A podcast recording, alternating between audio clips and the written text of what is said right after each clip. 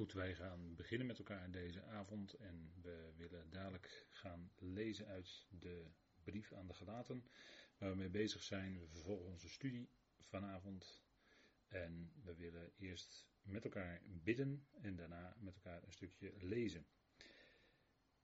Vader, wij danken u dat we hier vanavond weer bij elkaar mogen zijn. Vader, we danken u dat we dat kunnen doen rondom uw woord in alle vrijheid. Dank u wel voor deze momenten die u geeft, Vader, die kostbaar zijn. Dank u wel dat we vanavond weer verder willen nadenken over dat wat Paulus mocht schrijven in deze brief. Een hele belangrijke brief, Vader, aan de Galaten, waarin het gaat over wet of genade, waarin het gaat om vrijheid of gebondenheid. Vader, we danken u dat we daardoor al het nodig hebben kunnen zien met elkaar en dat u steeds verder die boodschap duidelijk maakt. Vader wil ons zo vanavond daarin leiden door uw geest. Vader, wilt u leiden in het spreken, wilt u leiden in het luisteren, dat we het met ons hart kunnen verstaan, Heer. Dank wel dat u duidelijk maakt die verschillen die er liggen, de lijnen die u in uw woord trekt. Vader, we mogen onderscheidend lezen. Dank u wel dat we dat ook vanavond doen en daarover willen nadenken met elkaar. We danken u voor uw goedheid en trouw, dat het mag zijn zo. Vader, tot eer van u. We danken u daarvoor in de machtige naam van uw geliefde Zoon, onze Heer Jezus Christus. Amen. Goed, wij lezen met elkaar dit uh, uit uh, deze brief, deze belangrijke brief, vanaf het tweede hoofdstuk waar we gebleven waren. En we doen dat met elkaar vanaf vers 6 en we lezen dan door met elkaar tot en met vers 14. En daar staat in Galaten 2 vanaf vers 6: Van hen echter die van enig aanzien zijn, wat zij eens waren is voor mij van geen belang. God hecht niet aan het menselijke aspect. Zij immers die in aanzien zijn, legden mij niets op. Maar in tegendeel, toen zij zagen dat mij het evangelie van de vooruit toevertrouwd was, zoals aan Petrus dat van de besnijdenis. Want hij die in Petrus werkzaam is voor het apostelschap van de besnijdenis, is ook in mij werkzaam voor dat van de natieën. En toen zij de genade erkenden die mij gegeven is, gaven Jacobus en Kefas en Johannes, die geacht werden steunpilaren te zijn, mij en Barnabas de rechterhand van gemeenschap, opdat inderdaad wij voor de natieën, maar zij voor de besnijdenis zouden zijn. Alleen dat wij de armen zouden gedenken, waarvoor, waarvoor ik mij ook inzet dit te doen. Maar toen Kefas naar Antiochië kwam, weerstond ik hem recht in zijn gezicht, omdat hij afkeuring verdiende. Want voor de komst van enkelen uit de kring van Jacobus at hij samen met de natieën. Maar toen zij kwamen, deinsde hij terug en zonderde zich af, bevreesd voor hen die uit de besnijdenis waren. En ook de overige Joden huichelden met hem mee, zodat zelfs Barnabas meegesleept werd door hun huichelarij. Maar toen ik zag dat zij niet de juiste houding hebben tot de waarheid van het evangelie, sprak ik tot Kefas ten aanhoren van allen, indien jij, die een Jood bent, als de natie leeft, en zeker niet als een Jood, hoe kan jij de natie noodzaken als Jood te leven? Tot zover dit uh, gedeelte uit deze brief. En dit is een uh, gedeelte waarin de ontmoeting van uh, Paulus met Petrus wordt verhaald. En dit is ingepast in de brief. Dit heeft God nodig geacht ook op te nemen, op te laten nemen door Paulus in deze brief, deze ontmoeting, wat Paulus daar zegt en Petrus in het openbaar terechtwijst. Dat was nodig op dat moment en dat had alles te maken met datgene waar het in de gelaten brief om draait, namelijk een wettische inslag, een wettische benadering of benadering vanuit Gods genade, benadering die zet in de vrijheid. Daar gaat het om. En daarom, als we kijken naar deze eerste dia, hè, het is inmiddels alweer de vijftiende avond die wij houden over deze brief. Daar gaat het om het apostelschap van Paulus. En dat hebben we gelezen met elkaar in deze versen. En daar heb ik ondergezet Paulus versus Petrus. En dat is dan een wat langer gedeelte als je kijkt in de structuur van deze brief. Namelijk vanaf hoofdstuk 1 vers 10 tot en met 2 vers 21. En overigens, misschien ten overvloede voor u, maar als u deze presentatie wil volgen, dan kunt u dat doen gewoon op de website. En daar kunt u steeds de bladzijde van de dia's omslaan, meeslaan en zo meelezen. Paulus dus versus Petrus. En waar het om draait in deze versen, en dat wordt nog wel eens over het hoofd gezien. Uh, allereerst wordt er soms al het verschil tussen de beide evangeliën heel gemakkelijk weggepoetst. Door te zeggen dat het uh, zou gaan om één evangelie met twee doelgroepen. Maar dat hebben we uitgebreid al laten zien dat het gaat om twee verschillende evangeliën. We hebben uitgebreid nagedacht over de verschillen tussen het evangelie van de besnijdenis en het evangelie van de vooruit. Dus daar hoeven we verder nu even niet zoveel meer over te zeggen. Daarvoor verwijs ik u graag naar eerdere avonden. En als het gaat om het apostelschap van Paulus, wordt dat ook nog wel eens over het hoofd gezien. En er wordt alleen maar gezegd, ja, uh, zij gingen naar verschillende doelgroepen. En dat maakt allemaal niet zo erg veel uit. Uh, ze spraken af, Paulus gaat naar de natie en uh, Petrus gaat naar de besnijdenis. En that's it. Maar Paulus blijkt, en dat blijkt ook duidelijk uit de tekst, uit namelijk hoofdstuk 2, vers 8, die we gelezen hebben. En dat deed ik uit de Nederlandse concordante tekst die beschikbaar is van de gelaten brief.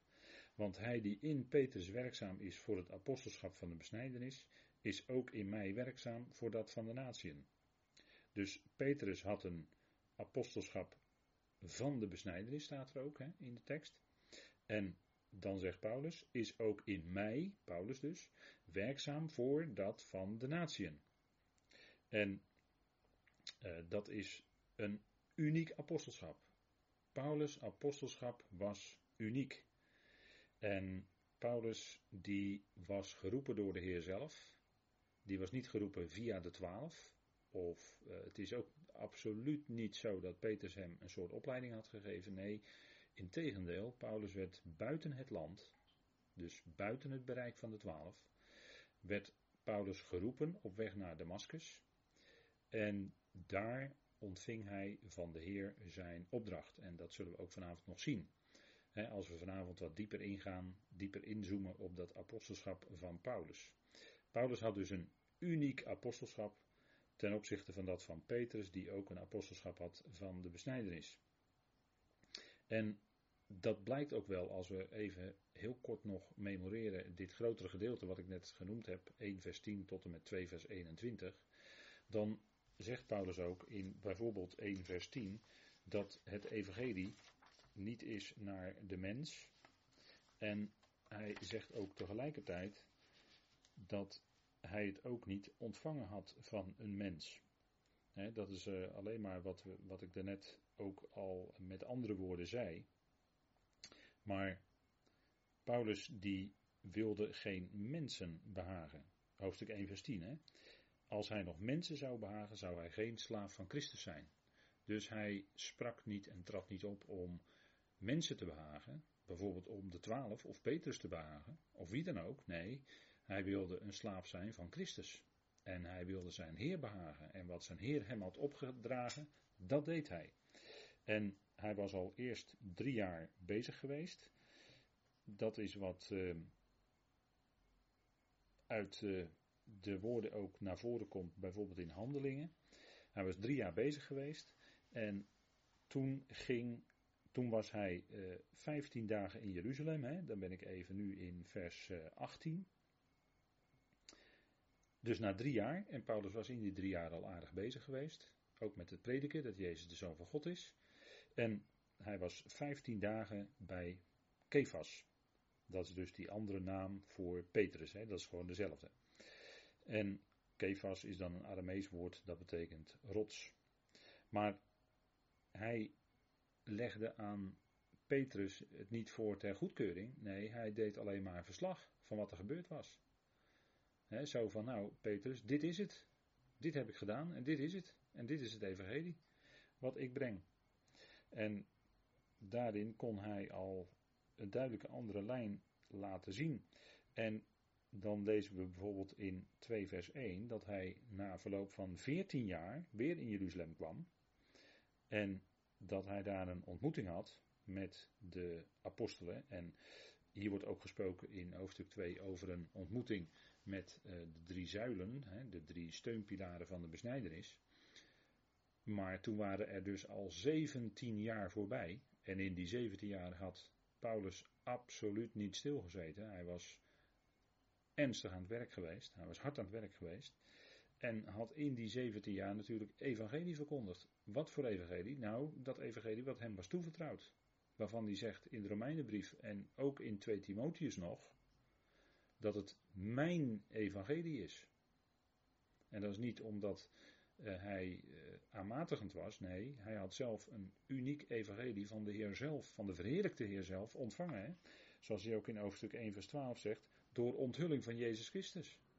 Het was niet Petrus die het aan hem doorgegeven had. Nee, hij had het rechtstreeks zelf ontvangen door onthulling van Jezus Christus, staat er. En daar moeten we het bij houden. En na 17 jaar dus had hij dus die ontmoeting met de anderen in Jeruzalem. En dan doet hij verslag, onder andere, en dat kunnen we lezen in handelingen, dat de, en dat deed hij al eerder in Antiochië in Syrië, dat de Heer een deur van het geloof voor de natieën geopend had. En dat, was, dat duidt dus aan dat Paulus in die unieke bediening bezig was geweest.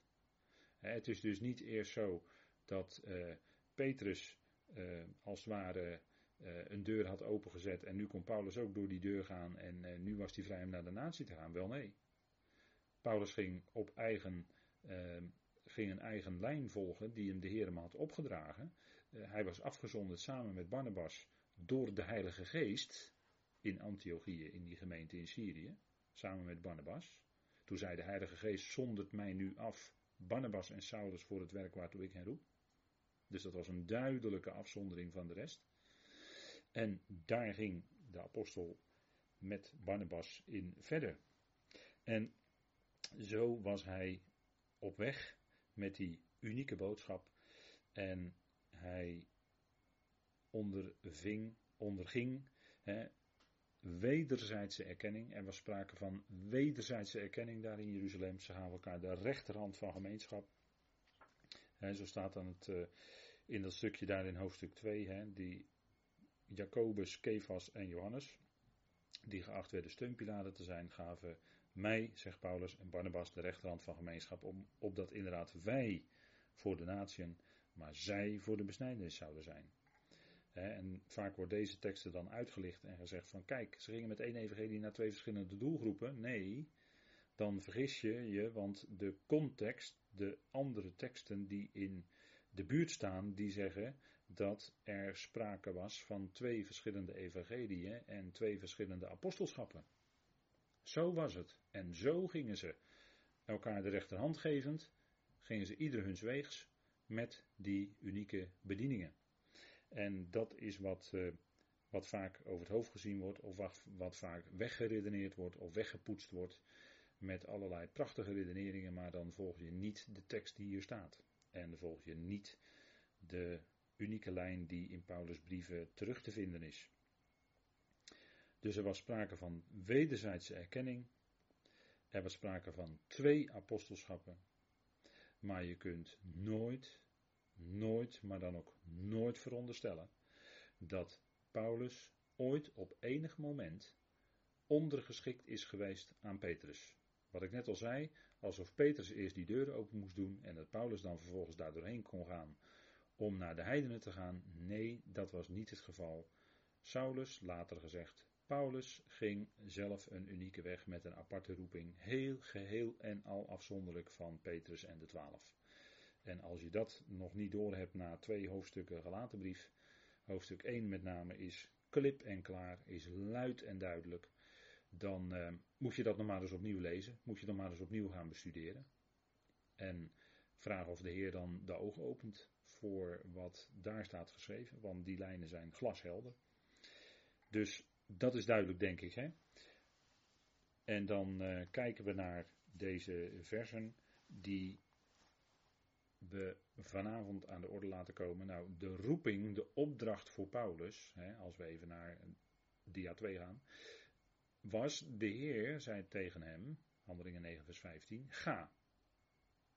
Deze is voor mij een uitverkoren instrument om mijn naam te dragen voor de ogen van zowel de natieën als koningen en ook de zonen van Israël.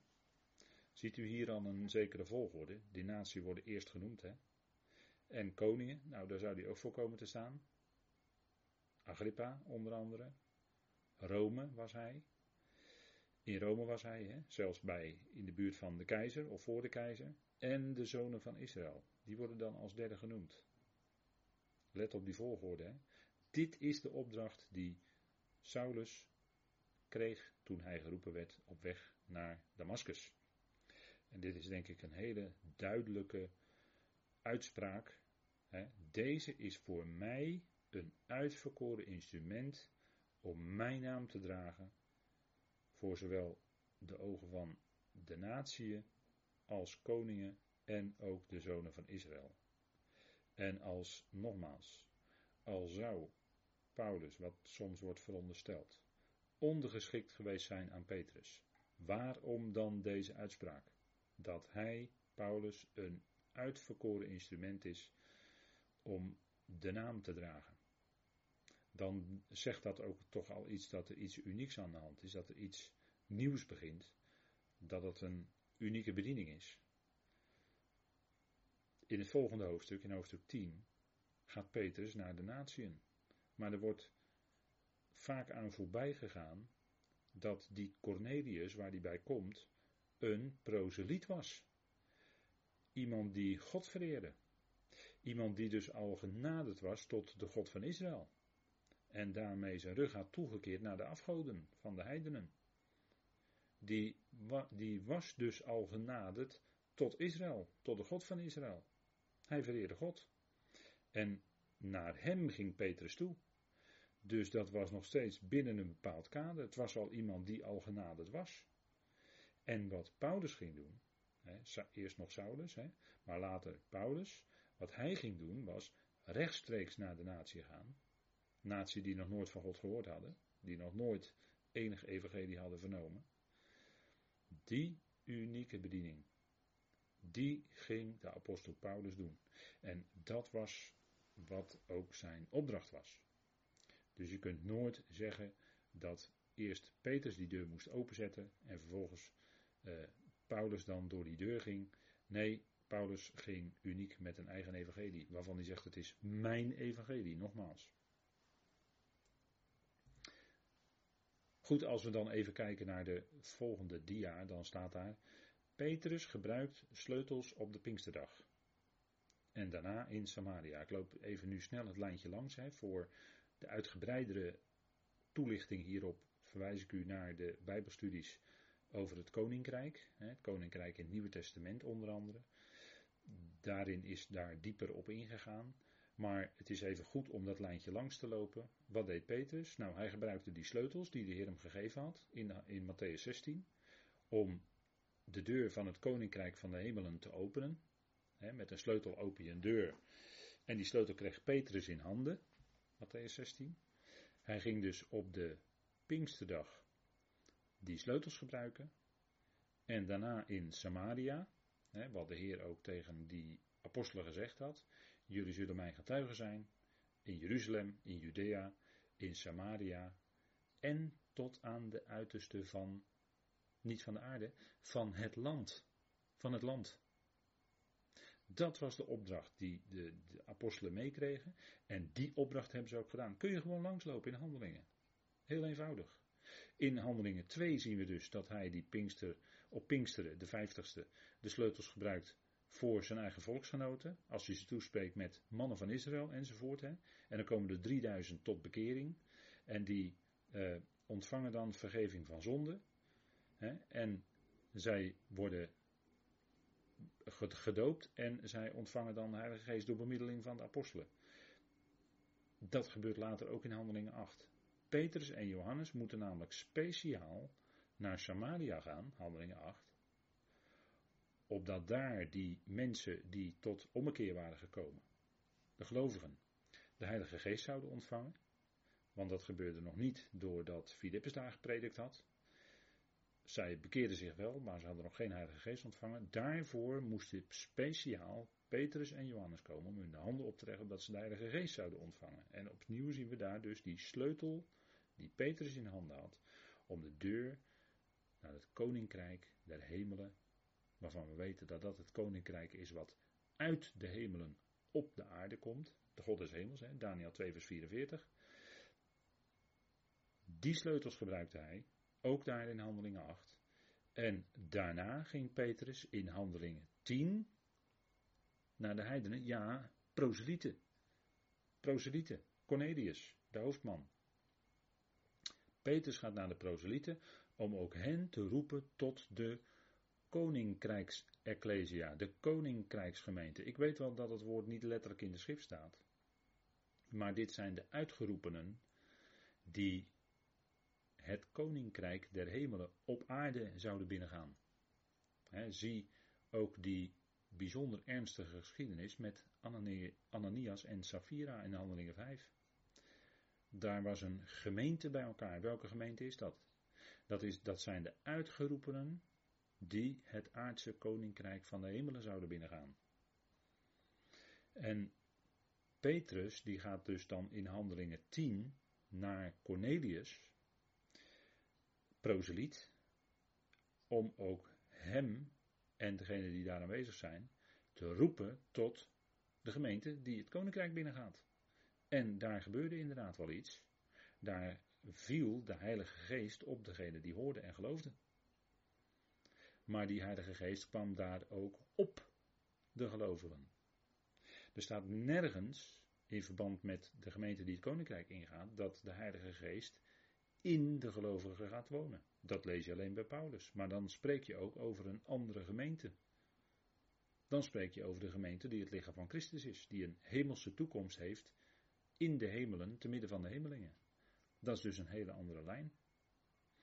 En als we even deze dia aflezen, dan staat daar: Petrus zegt dat God hem van de aanvangsdagen af uitkoos, opdat de natieën het woord van het evangelie horen en geloven.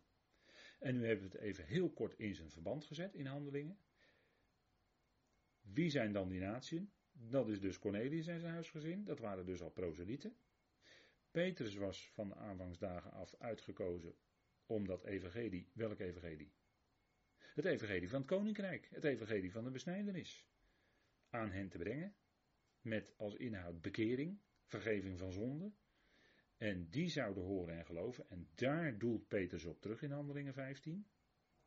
Zijn bediening dus. En dat die hun weg zo verder zouden gaan. Nou, dit is waar Petrus op terugwijst. En dan zegt hij dat inderdaad die van de natieën ook door genade, door de genade van God geroepen zijn. En dat is het grote punt hè, wat daar speelde op dat apostelconvent in Handelingen 15. Daar ging het om genade of dat er nog voorwaarden zouden zijn, bijvoorbeeld besnijdenis. Eh, zoals eh, sommige fariseese eh, gelovigen uit de fariseeën graag voorstonden. Nee, de natie waren vrij, die hoefden zich niet per se te laten besnijden. Dus Petrus ging al heel ver. En die hoorden erbij door genade.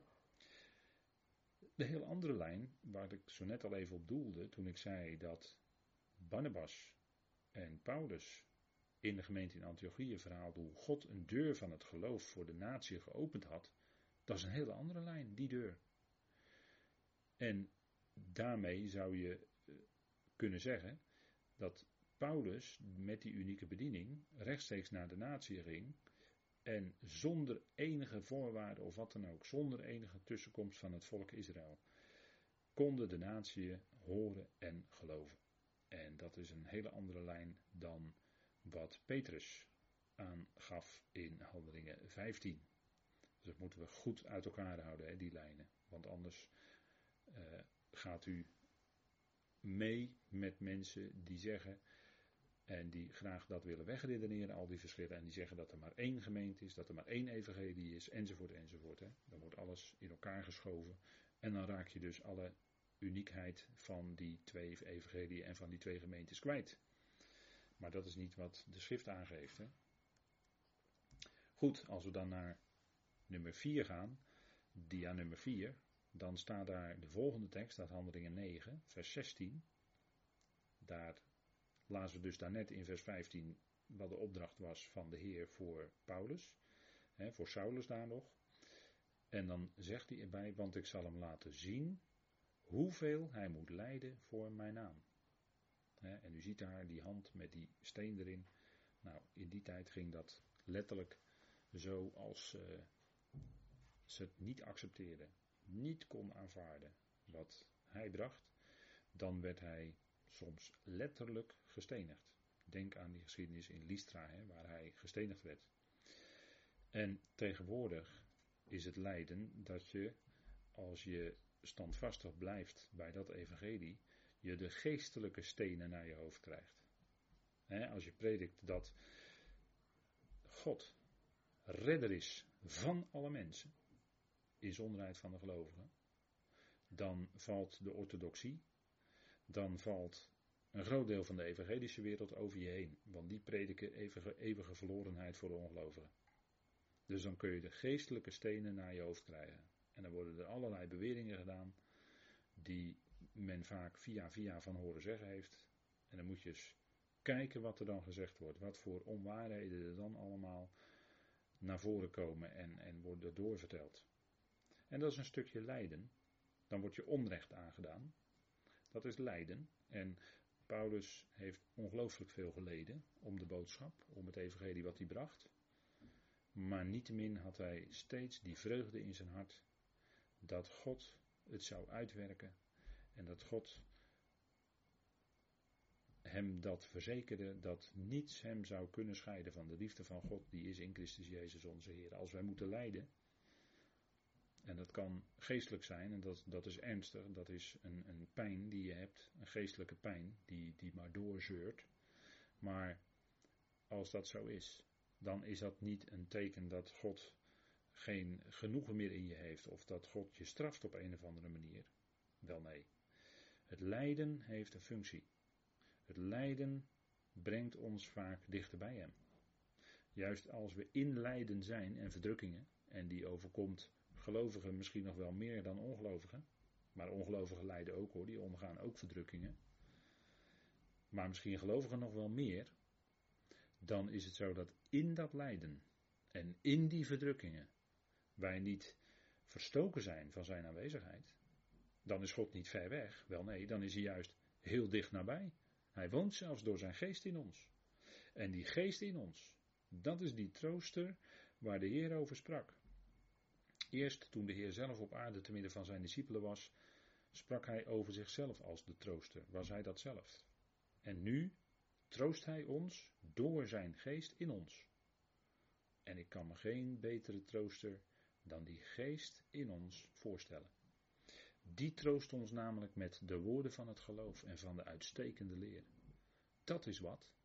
Dan heb je een geweldige troost. Dan heb je die heerlijke zekerheid dat wat er ook gebeurt, het kan je niet scheiden van de liefde van God die in Christus Jezus is, onze Heer.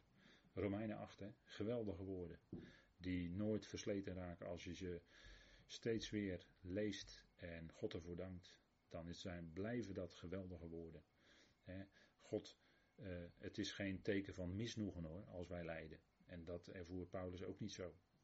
Het is ook geen teken van veroordeling, want er is geen veroordeling voor hen die in Christus Jezus zijn.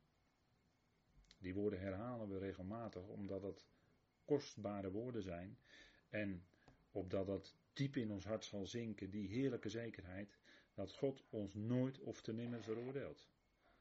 Wat is dat geweldig, hè? Wat is dat geweldig wat, wat God doet voor ons?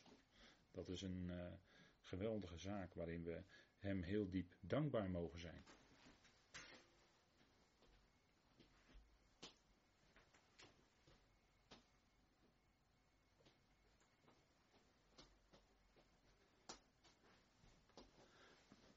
Dankbaar voor die woorden die Hij ons geeft. Dankbaar voor de omstandigheden.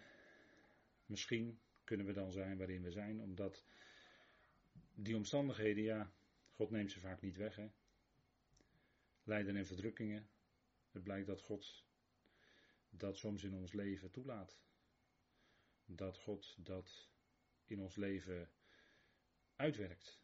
En het geweldige is dat daardoorheen. Hè, want dat lijden, dat bewerkt iets. Het lijden van de tegenwoordige tijd zal namelijk omgezet worden in alles overstralende heerlijkheid. Wat een geweldige troost is dat, hè? Dat we zo'n Heer hebben die ons zo'n enorme heerlijkheid voor ogen stelt. Het zijn geweldige woorden die we steeds weer mogen herlezen bij Paulus. Goed, als we even doorgaan in de volgende dia die we zien, nummer 5, het gezag van Paulus. Zoals dat staat in 1 Timotheus 2 vers 7, want we denken vanavond na over het apostelschap van Paulus en dat bleef niet zonder lijden dus. Dat, was, dat ging met veel lijden gepaard. Het gezag van Paulus, 1 Timotheus 2. Daartoe, zegt Paulus, ben ik geplaatst als heraut en apostel. Ik zeg de waarheid in Christus, ik lieg niet. Als een leraar van de natieën in kennis en waarheid. Kijk, Paulus, die sprak hier over het feit dat hij de waarheid spreekt. En dat was niet aanmatigend, dat was niet dat Paulus uh, zich boven anderen wilde verheffen, wel nee, integendeel.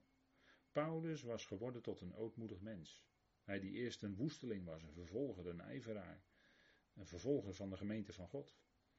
Maar later was het een ootmoedig mens. En als hij dan zegt, ik zeg de waarheid in Christus, ik lieg niet, dan is dat het evangelie, het goede nieuws wat hij spreekt. Het goede nieuws waar je blij van wordt en blij van blijft in je hart. Een leraar van de natie in kennis en waarheid, hè, gebruikt u dus twee keer het woord waarheid in één vers. Maar zo is het. Hij was heraut, apostel en leraar van de natie. En dat deed hij met alle kennis die hem gegeven was. En dat was veel, dat was enorm veel. En de waarheid die hij sprak in Christus. Hè, dat was, die woorden zijn waar. En waarheid is in het Hebreeuws nauw verwant met het woord betrouwbaar. Of trouw. Of vertrouwen. De woorden die we dus bij Paulus lezen kunnen we vertrouwen. Daar stellen wij ons geloof voor de volle 100% in. Voor de volle 100% stellen wij ons vertrouwen op die woorden die hij van vader mocht spreken. En daardoor vertrouwen wij vader zelf. want die staat achter die woorden. Wij ontdekken dat vader te allen tijden betrouwbaar is. Dat hij het in ons leven goed doet. Dat hij geen fouten maakt. En dat hij alles geeft precies op het juiste moment. Zoals de bazuin straks ook zal klinken, precies exact op het juiste moment. Geen seconde te vroeg en geen seconde te laat. Maar precies op dat geschikte moment. Op dat kairos moment, hè, die geschikte era, die speciale gelegenheid als de bazuin klinkt. Precies op tijd. En dat is wat uh, het apostelschap van Paulus onder andere inhield. Hè. Goed, hier een eh, plaatje tussendoor van Tarsus. Nou, als u daar nog eens komt, hè. Eh, er worden heel veel reizen naar Israël georganiseerd. Maar er worden ook reizen georganiseerd naar het gebied waar Paulus heeft gewerkt. Klein-Azië, het tegenwoordige Turkije. Misschien is het aardig om eens bij zo'n reis aan te sluiten. Om te kijken of zelf op stap te gaan in die omgeving. Efeze, wat denkt u daarvan? En, en, en andere plaatsen waar Paulus gewerkt heeft. Thessalonica. Uh, hij is op Kreta geweest waar hij Titus achterliet. Nou, al die plaatsen kunt u eens opzoeken in uw vakantie. Hè, want we hebben best nog wel veel vakantiedagen per jaar. Nou, misschien is het goed om een vakantie daar eens nuttig te besteden. Zou je ook eens kunnen kijken in Tarsus. Goed, het was een dubbele bediening. Hè. Als we kijken naar de volgende dia, nummer 7, dan is dat eh, een dubbele bediening die daar staat. En dat ontgaat velen. Maar als we kijken in handelingen, en dan verwijs ik u opnieuw naar de Bijbelstudie over het, Bijbelstudies over het Koninkrijk. Dan zien we, hebben dus gezien dat Paulus tot het einde van handelingen aan Israël het aardse Koninkrijk van God predikte. Die uitdrukking Koninkrijk van God, die komt op diverse specifieke momenten voor in het boek Handelingen. Nou, dan moet je dus kijken in het tekstverband waar het om gaat en ook weten waar het in handelingen om gaat. handelingen geeft antwoord op de vraag die de discipelen aan de Heer stelden in zijn opstanding. Heer, zult u in deze tijd het koninkrijk aan Israël herstellen? En de rest van handelingen, vanaf handelingen 1 vers 7, gaat over het, eh, geeft antwoord op die vraag van de discipelen. En dan ontdek je dus dat het toen nog niet opgericht werd. En dat is ook wat de Heer min of meer al zei tegen zijn discipelen. Maar je ziet dus die hele ontwikkelingsgang van die prediking van het koninkrijk door handelingen heen. En wat Paulus in handelingen doet, is onder andere ook prediken in de lijn van dat aardse koninkrijk. Met de kennis die hem gegeven was. Waar hij bij gelegenheid ook trachtte de Joden te overtuigen en te laten zien uit hun eigen geschriften, hè, uit de nacht, dat Jezus de Christus is, dat Hij de beloofde Messias is. En dan waren er steeds enkelen die geloofden, die oren kregen naar wat Paulus te zeggen had. En de meerderheid die wees dat af, die boodschap. En tegelijkertijd zien we dus in handelingen dat hij op reis is onder de natie, maar er wordt eigenlijk nooit verteld, of soms zien we een glimp ervan, bijvoorbeeld in handelingen 13, rechtvaardiging, een glimp, maar dat is nog niet in handelingen 13 de rechtvaardiging zoals die in de Romeinenbrief en Galaten bekend wordt gemaakt. Maar tegelijkertijd ging de apostel, was de apostel dus onderweg, ging naar de natie met het aan hen toevertrouwde evangelie, waarvan hij dus nogmaals in Romeinen en in 2 Timotheus zegt dat het zijn evangelie is. Hè? Hij zegt mijn evangelie. Nou, hij ging dus tegelijkertijd rechtstreeks aan de natie met het aan hem onthulde evangelie. Ik heb het al genoemd vanavond, eerder hè, Galaten 1 vers 12, door onthulling van Jezus Christus. Dus niet door een mens, hij had het niet ontvangen van een mens, dus niet van Petrus, ook niet door mensen, niet van de twaalf. Nee, hij had het ontvangen van de Heer zelf. En dat is duidelijk, hè? dus die dubbele bediening die Paulus heeft, in handelingen lees je al wat te maken heeft met het koninkrijk, het aardse koninkrijk. En in zijn brieven lees je de inhoud van het evangelie wat hij bracht. Over de inhoud van zijn evangelie lees je in handelingen niks. Misschien ietsiepietsie over de rechtvaardiging. Maar dat is dan ook heel minimaal. En als je dat in de gaten houdt, dan heb je ineens een antwoord op een heleboel vragen. Christus Jezus, de volgende dia, nummer 8. Christus Jezus onthult door Paulus het beheer, letterlijk is dat woord beheer huis, wet, oikonomia, oikos is huis en nomos is wet in het Grieks.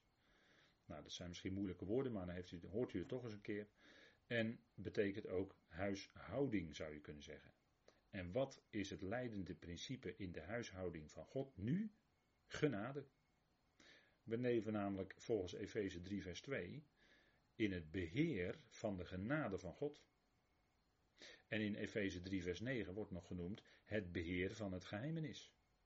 Deze tijd, dit beheer, heeft dus een geheim karakter. Wat bedoelen we dan daarmee? Dat het in de vorige tijden niet was bekendgemaakt dat er zo'n periode zou zijn van zeg maar 2000 jaar waarin de gemeente het lichaam van Christus wordt geroepen. Niet voor, aarde, niet voor een taak op aarde, niet voor een bediening op aarde, maar voor een bediening in de, in de hemelen, te midden van de hemelingen, Efeze. En, en als we dan dus zien de verschillende periodes van beheer die er geweest zijn, de verschillende principes van beheer, dan is dat van Exodus tot Matthäus de wet, of de Torah, hè, wil ik ook wel zeggen hoor, de onderwijzing. De vleeswording van Jezus, lezen we in de Evangelie. Dan een, een periode waarin het gaat om de geest, handelingen 1 tot en met 13, maar dan gaat het echt in verband met het Koninkrijksevangelie. En dan een periode van overgang, een overgangsperiode. Dat mag je ook al bijna niet meer zeggen, omdat het niet in de Bijbel staat. Maar als je dat wil samenvatten, handelingen 9 tot en met 28, dan is dat wel zo. En dan na handelingen 28, als Paulus in gevangenschap zit in Rome, waarin hij die bijzondere brieven schrijft, dan breekt aan definitief het beheer van het geheimenis. En misschien om het nog wat moeilijker te maken voor u, eh, er wordt ook gesproken in Handelingen 13 over de geheimenissen of de verborgenheden van het Koninkrijk van de Hemelen. Nou, iets van dat vinden we dus in de periode van handelingen al terug. En ook na de periode van handelingen geldt dat in volle hevigheid, om het zo maar te zeggen. Hè? Die verborgenheden. Dus die periode van verborgenheid, van geheimenis, die duurt wat langer dan strikt het beheer van het geheimenis, wat begint na handelingen 28. Het een sluit het ander niet uit hoor. Eén sluit het ander niet uit. En als we dan kijken naar wat nou eigenlijk Gods plan was, hè, dan zetten we het nog in een wat ruimer, in een wat ruimere tijdlijn op de volgende dia.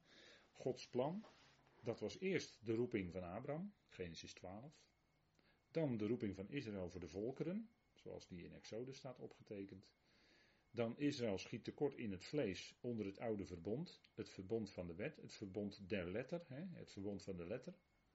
Waarvan Paulus zegt in 2 Korinthe 3, de letter dood, maar de geest maakt levend. En dan hint hij al op de zegeningen zoals die zullen zijn voor Israël onder het nieuwe verbond. En iets van die zegening, maar dan nog gaat er nog eigenlijk een andere kant op en nog veel dieper, is de bediening van de geest die voor het lichaam van Christus geldt. Het beheer van het geheimenis nu waarin het lichaam van Christus wordt geroepen. En als het lichaam van Christus is weggerukt bij de bazuin Gods, daarna komen de gerichten. Dus eerst de bazuin en dan pas de gerichten. En dan zal het gericht beginnen bij het huis van God en dat is Israël. Daar zal het gericht beginnen. Dat staat in 1 Petrus 4, hè, die tekst. Dat het gericht zal beginnen bij het huis Gods. Nou, het huis Gods in, in het verband van Petrus is Israël. Zijn al die mensen die bij dat uitverkoren volk horen. Daar zal het gericht beginnen. En dat Paulus zegt in 1 Timotheus 3 dat de gemeente, het lichaam van Christus, ook een huis van God is. Ja, dat is dezelfde beeldspraak. Daar woont God, ja, inderdaad. Maar wel op een hele andere manier. Hè, op een andere manier dan onder Israël.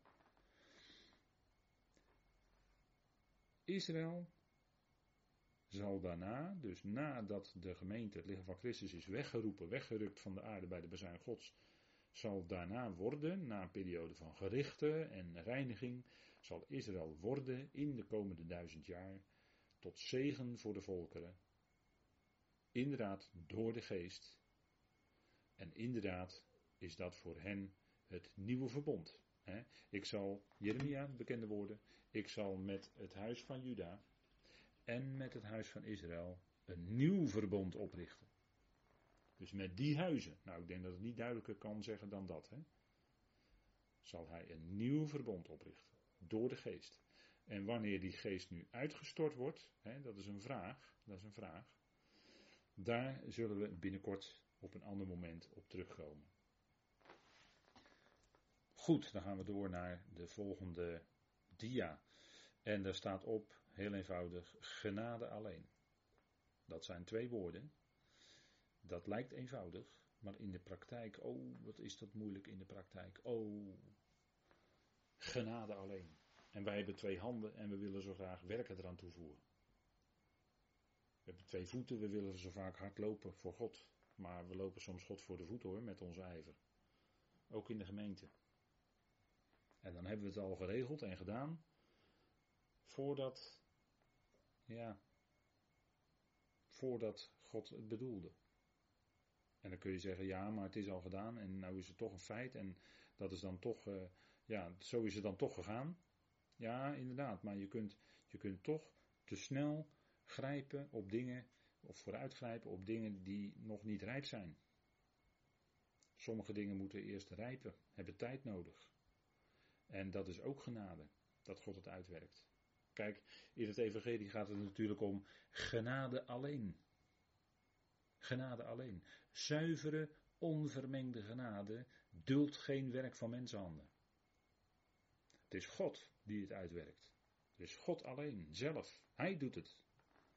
Hij doet het van A tot Z in ons leven. Het is niet alleen het moment van redding dat dat genade is en vervolgens moet je heel hard aan het werken om nog iets goeds voor God te kunnen bewerken. Wel nee.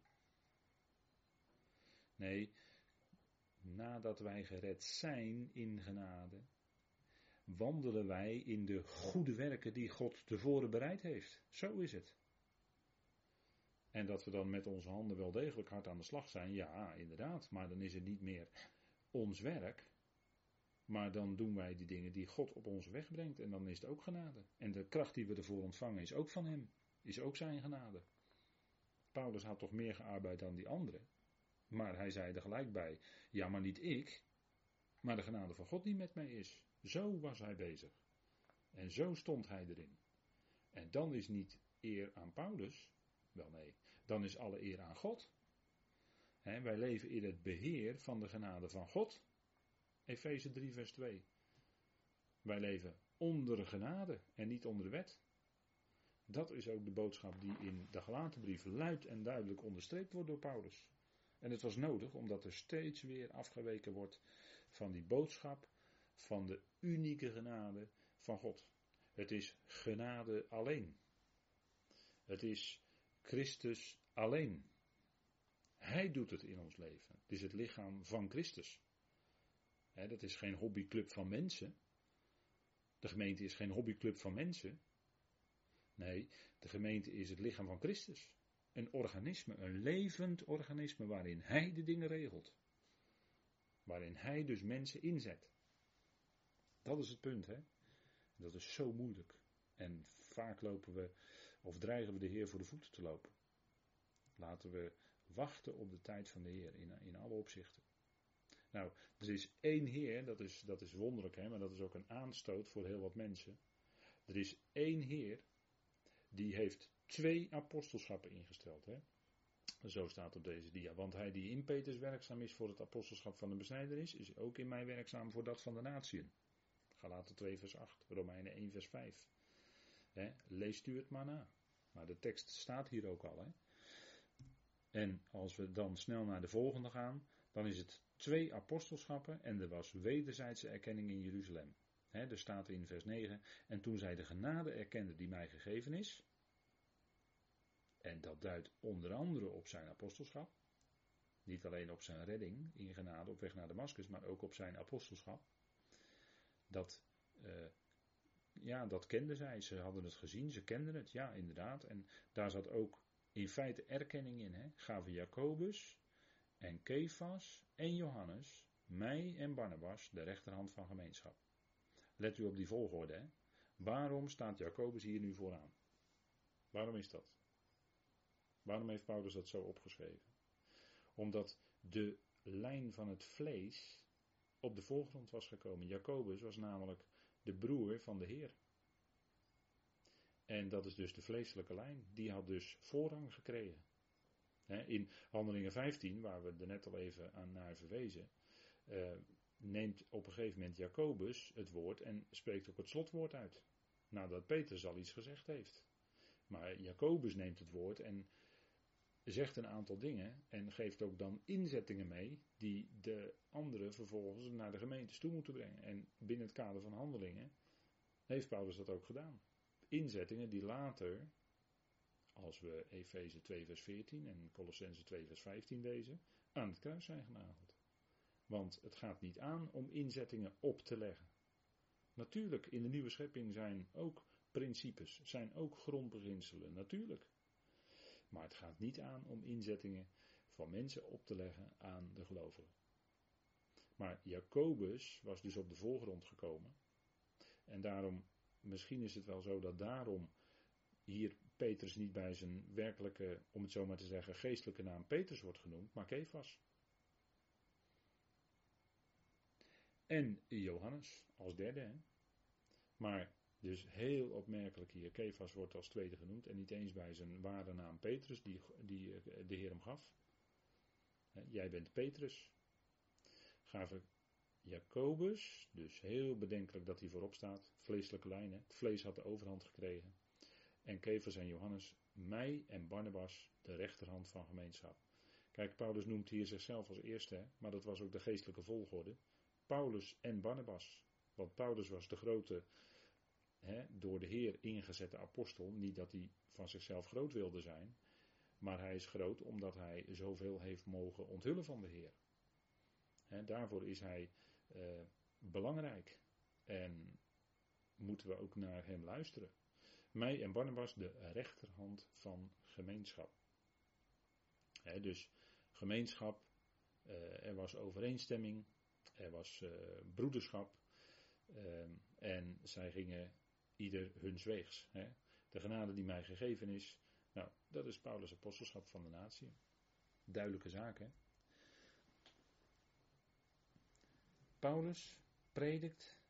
Hè, dit is een. eh, ja, dit is mooi, hè? dit licht zo van die zon die u op deze dia ziet. Paulus predikt Gods volle licht en overstromende genade.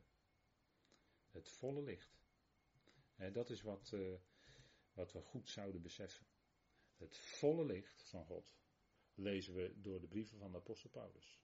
Die zo ver reiken, die zo ver kijken, terug in de tijd, zelfs voor de eonen, en als de eonen voorbij zijn.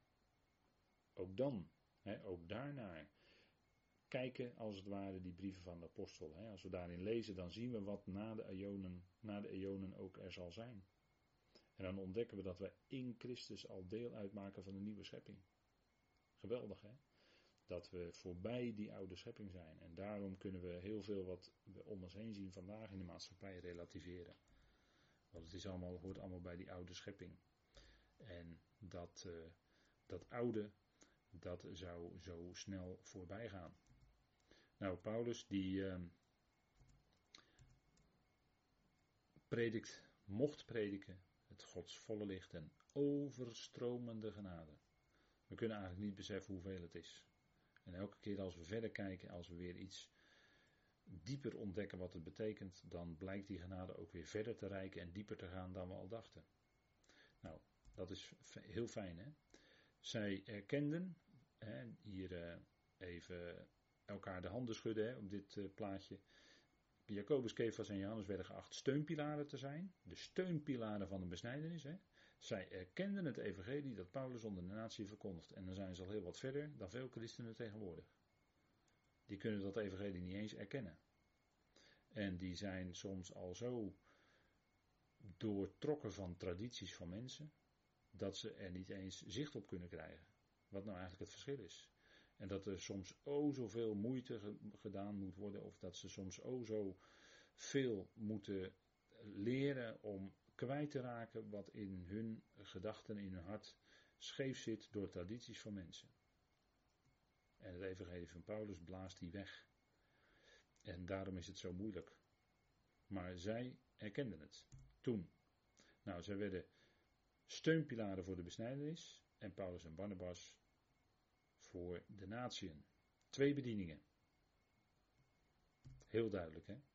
En, zien we dan op dit plaatje, alleen dat wij de armen zouden gedenken, waarvoor ik mij ook inzet dit te doen. En dat heeft Paulus gedaan, dat kunt u teruglezen. U ziet die teksten staan hier op deze dia. Uit Handelingen 11 en 24, dat Paulus die armen wel degelijk heeft gedacht. En dat hij die afspraak is nagekomen. Paulus was heel conscientieus, die was heel gewetensvol en kwam zijn afspraken na. Hij was dat afgesproken en hij deed het ook. En dat is uh, bijzonder, denk ik. En als we dan nadenken over dat vervolg, dat vervolgstukje 11 tot en met 14, wat we ook gelezen hebben, het gedrag van Petrus, dan weerstaat Paulus hem in het openbaar. Nou, ik denk dat uh, dat goed is als we daarover nadenken. En als we nu even een moment pauzeren, kunnen we dat na de pauze verder gaan doen.